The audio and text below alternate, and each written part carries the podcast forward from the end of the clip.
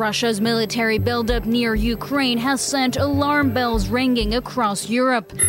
Ryssland har den senaste tiden flyttat över 100 000 trupper till den ukrainska gränsen och Krim. Det är fler än någonsin förut. Det är klart att det bidrar till att öka spänningen och inte minska den.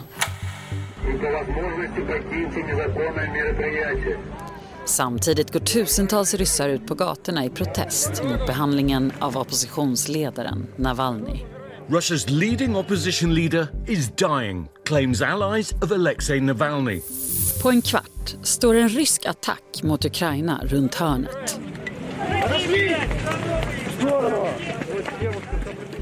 Det är fredag den 23 april och jag heter Annie Reuterskiöld.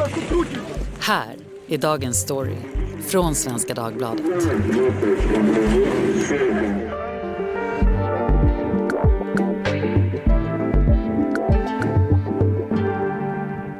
Carolina Vendil Palin är expert på rysk inrikespolitik vid Totalförsvarets forskningsinstitut, FOI som vi också säger. Välkommen till Dagens Story. Tack så mycket. Hur kommer det sig att du började intressera dig för Ryssland och rysk inrikespolitik? Ja, men det är ju så eh, fånigt för att egentligen ville jag läsa japanska och så hade de inte det kvällstid på universitetet och så började jag läsa ryska och upptäckte snart att man kan inte bara läsa lite ryska, man måste läsa ordentligt. Och ehm, jag älskar ju rysk litteratur, rysk konst och, ehm, och jag blev fascinerad av rysk politik. Och 30 år senare sitter jag här. Du har jobbat med Rysslandsfrågor i över 30 år. Jag tänker att vi går rakt på pudens kärna. Hur ser du på läget just nu? Det blir allt värre. Repressionen ökar, övervakningen av medborgarna ökar och eh, det blir allt mer auktoritärt. Hur ser du på att de här två sakerna sker samtidigt? Stora demonstrationer för Alexej Navalny och ryska trupper som ansamlas som aldrig förr vid ukrainska gränsen. Jag tror att man ska vara försiktig med att direkt koppla ihop de här två händelserna. Däremot så kan man konstatera att eh, det är en, eh, en spänd situation mellan Ryssland och väst framför allt. Och dessutom en spänd inrikespolitisk situation i Ryssland. Och det här är också ett år då Ryssland går till parlamentsval i september. Och trots att det är ett auktoritärt system så håller man val och alla auktoritära system är som mest känsliga när de håller val. Man ska veta att i Ryssland finns det idag parlamentariska kommissioner som eh, undersöker utländsk inblandning i ryska inre angelägenheter. Man är väldigt nervös för protester och demonstrationer och att man inte ska lyckas mobilisera befolkningen så att de röstar som man har tänkt sig då i eh, valet i september. Längs hela den ukrainska gränsen och i annekterade Krim har Ryssland de senaste veckorna ansamlat runt 100 000 trupper. Samtidigt hungerstrejkar över 100 människor i solidaritet med fängslade Alexej Navalny på hemmaplan. Och tusentals ryssar protesterar på gatorna i Sankt Petersburg och Moskva. Inrikes och utrikespolitik hänger intimt samman och det gör det ju egentligen i alla länder men det gör det ännu mer i Ryssland. Och det har att göra bland annat med att man ser då det man kallar för färgrevolutioner, det vi skulle kalla demokratiska revolutioner i Ukraina och Georgien till exempel. Man ser det som en attack mot Ryssland, ett sätt att underminera Ryssland och Rysslands ställning i det som man ser då som sin inflytelsesfär. Om vi tar den inrikespolitiska situationen nu då med oppositionsledaren Alexej Navalny som är i fängelse och hälsotillståndet är allvarligt. Vad händer, skulle du säga, om han faktiskt dör i fängelset? Jag vill inte spekulera i hans död egentligen. Jag tycker att det är en sån allvarlig fråga.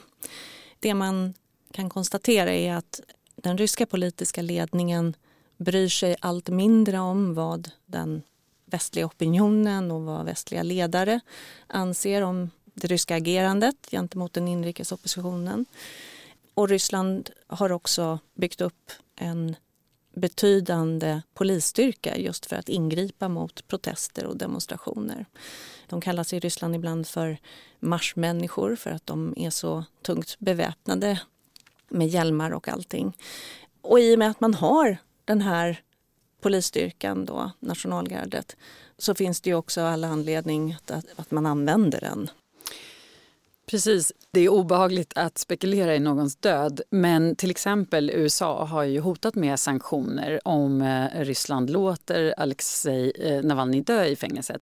They will be held accountable. There will be consequences if Mr. Navalny dies.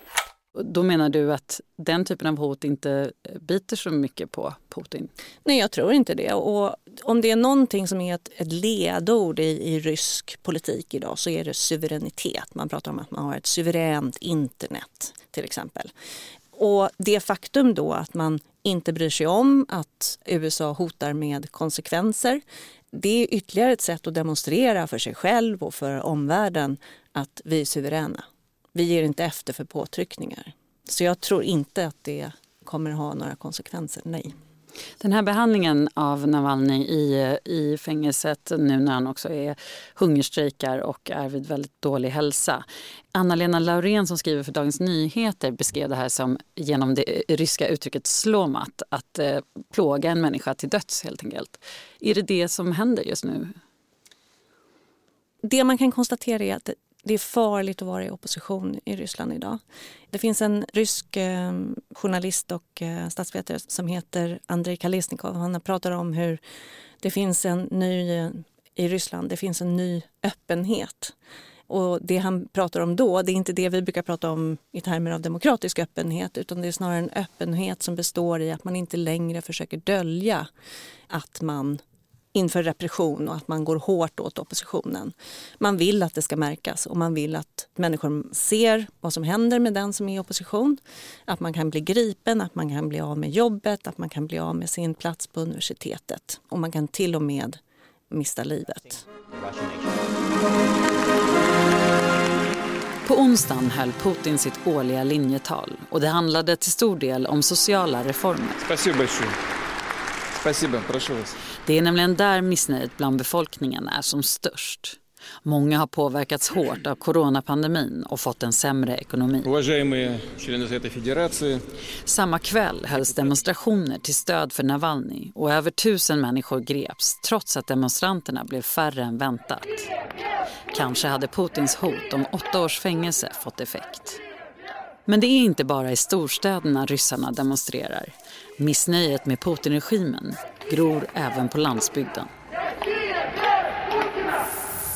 Ja, och det finns ju också olika typer av protester i Ryssland. Och de som vi uppmärksammar det är ju ofta de som sker i storstäderna och som är förknippade med oppositionen. Tidigare kanske med Boris Nemtsov framförallt men nu med Alexej Navalny. Men man ska veta att det, det förekommer ju protester i, i mindre städer i Ryssland mot eh, till exempel sophanteringen. Det faktum att Moskva försöker dumpa sopor i andra städer. Och inte sällan också kan de få igenom vissa krav. Så att eh, lokala frågor eller regionala frågor kan engagera. Och dessutom finns det en protestpotential som har att göra med mer försämrade förmåner, en eh, rejäl protestpotential den väcktes ju av när man försökte att eh, eh, höja pensionsåldern. Så att det finns olika typer av protestpotential. Det som jag skulle gissa att man i Moskva är mest oroad för det är ju om samtliga dessa olika missnöjen skulle förenas till en protest. så att säga. Men det ser vi inte än. Just det, men då kommer vi till frågan kan det bli ett annat Ryssland? Kan de här rörelserna vi ser nu vara startskottet för en helt ny typ av stat? Det är omöjligt att säga. Men om man tittar på förändringar på lång sikt så förändras ju det ryska samhället precis som alla andra samhällen. Och det är tydligt att det idag finns ett opinionsgap mellan en yngre generation och en äldre generation. Eh, Hur ser det ut? Till exempel så är den yngre generationen mer kritisk. De vill inte se Putin som president 2024 när nästa presidentval är planerat att äga rum. De är mer kritiska till övervakning till exempel. Så det, det finns ett opinionsgap där skulle jag säga. Vilken betydelse har Navalny eh, skulle du säga för den rörelsen? Ja, men Navalny är, han är det som inte får finnas i det politiska system som har etablerats under Putin. För han utgör ett alternativ. Ett, eh, ett tänkbart alternativ. Och hela politiska systemet vilar egentligen på att det inte finns några politiska alternativ.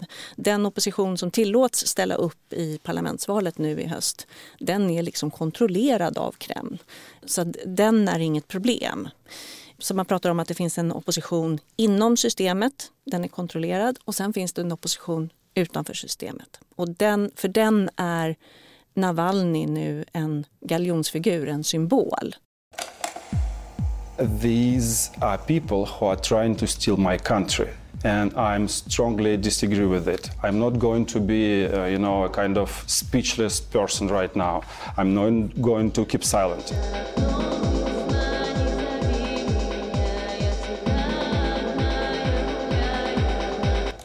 Han är orädd. En viktig kärna i hans budskap är att ni ska inte vara rädda. Och han har ju själv demonstrerat det genom att han åkte tillbaka. Efter att ha blivit förgiftad så åkte han tillbaka till Moskva och blev omedelbart gripen. Så han är på många sätt en symbol. Han är, han är lång, han är, han är orädd och han har ett modernt sätt att prata har humor. Om man eh, tittar på hans filmer på Youtube så, så är de ofta väldigt roliga. Det är roligt att lyssna på eh, honom när han går igenom korruptionen och så vidare. Och eh, det då i kontrast till, hur till exempel företrädare för maktpartiet Enade Ryssland maler på. Ehm, så han, han, är, han är en utmaning för den politiska makten, definitivt. I hope that no one will think of crossing a red line with Russia. For every single case, we will determine where that red line is. Det som också händer inom kort troligen, det är att hans rörelse, både hans antikorruptionsrörelse och hans politiska rörelse, eh, att de stämplas som extremistiska organisationer. Och I och med det så kan myndigheterna vidta drakoniska åtgärder. Rörelserna kommer att upphöra att existera i Ryssland men det blir även kriminellt att ingå i dessa rörelser eller att stödja dem eller att ge pengar till exempel. Så att Navalnys politiska rörelser de hamnar nu i samma kategori som al-Qaida och nazistiska rörelser. De ryska trupperna vid den ukrainska gränsen har gjort omvärlden nervös. Men i Putins linjetal hördes ingenting om Ukraina specifikt. Den ryska presidenten sa bara att Ryssland kommer att slå tillbaka hårt mot varje utländsk provokation. They should know that Russia's response will be asymmetric, fast and tough. Står ett fullskaligt krig runt hörnet? Ja, men i, I praktiken så, så pågår det ju ett lågintensivt krig redan i Ukraina. Ukraina har inte kontroll över det som då är en del av Donbass, det som kallas för eh, eh, DNR och LNR, det vill säga eh, Donetsk och Luhansk folkrepubliker som de kallar sig för. Och det är mycket möjligt att det kan intensifieras men det är omöjligt att säga exakt vad, vad Ryssland planerar. Jag, jag tror framförallt ska man se det som att Ryssland har den här förmågan och man har demonstrerat att man har den genom att mobilisera trupp ut med Ukrainas gräns. Det är mycket som händer just nu i Ryssland. Av det vi ser idag, vad tror du att vi kommer komma ihåg när vi tittar tillbaka på den här tiden? Det finns ett antal ögonblick när, man, när något händer och så känner man att ja, men nu finns det ingen återvändo. Det finns inget normalläge att gå tillbaka till. Allting har förändrats. Och jag skulle säga att annekteringen av Krim var ju definitivt ett sånt ögonblick. Även mordet på Boris Nemtsov 2015 var ett sånt ögonblick. Och förgiftningen av Navalny i höstas var definitivt ett sånt ögonblick. Eh, och det som vi ser nu inrikespolitiskt i Ryssland är egentligen en fortsättning på den dynamiken. Både den ökade repressionen i landet, hur den politiska makten inte längre bryr sig om att dölja att det rör sig just om en repression och eh, ökad övervakning eh, som följer på det.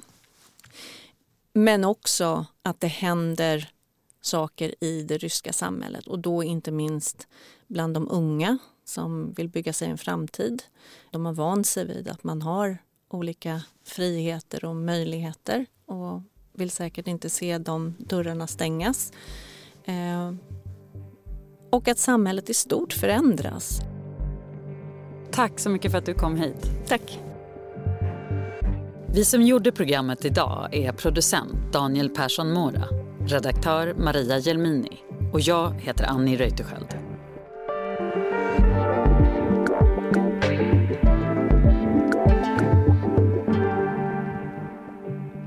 Dagens story från Svenska Dagbladet. Ett ämne, 15 minuter varje vardag.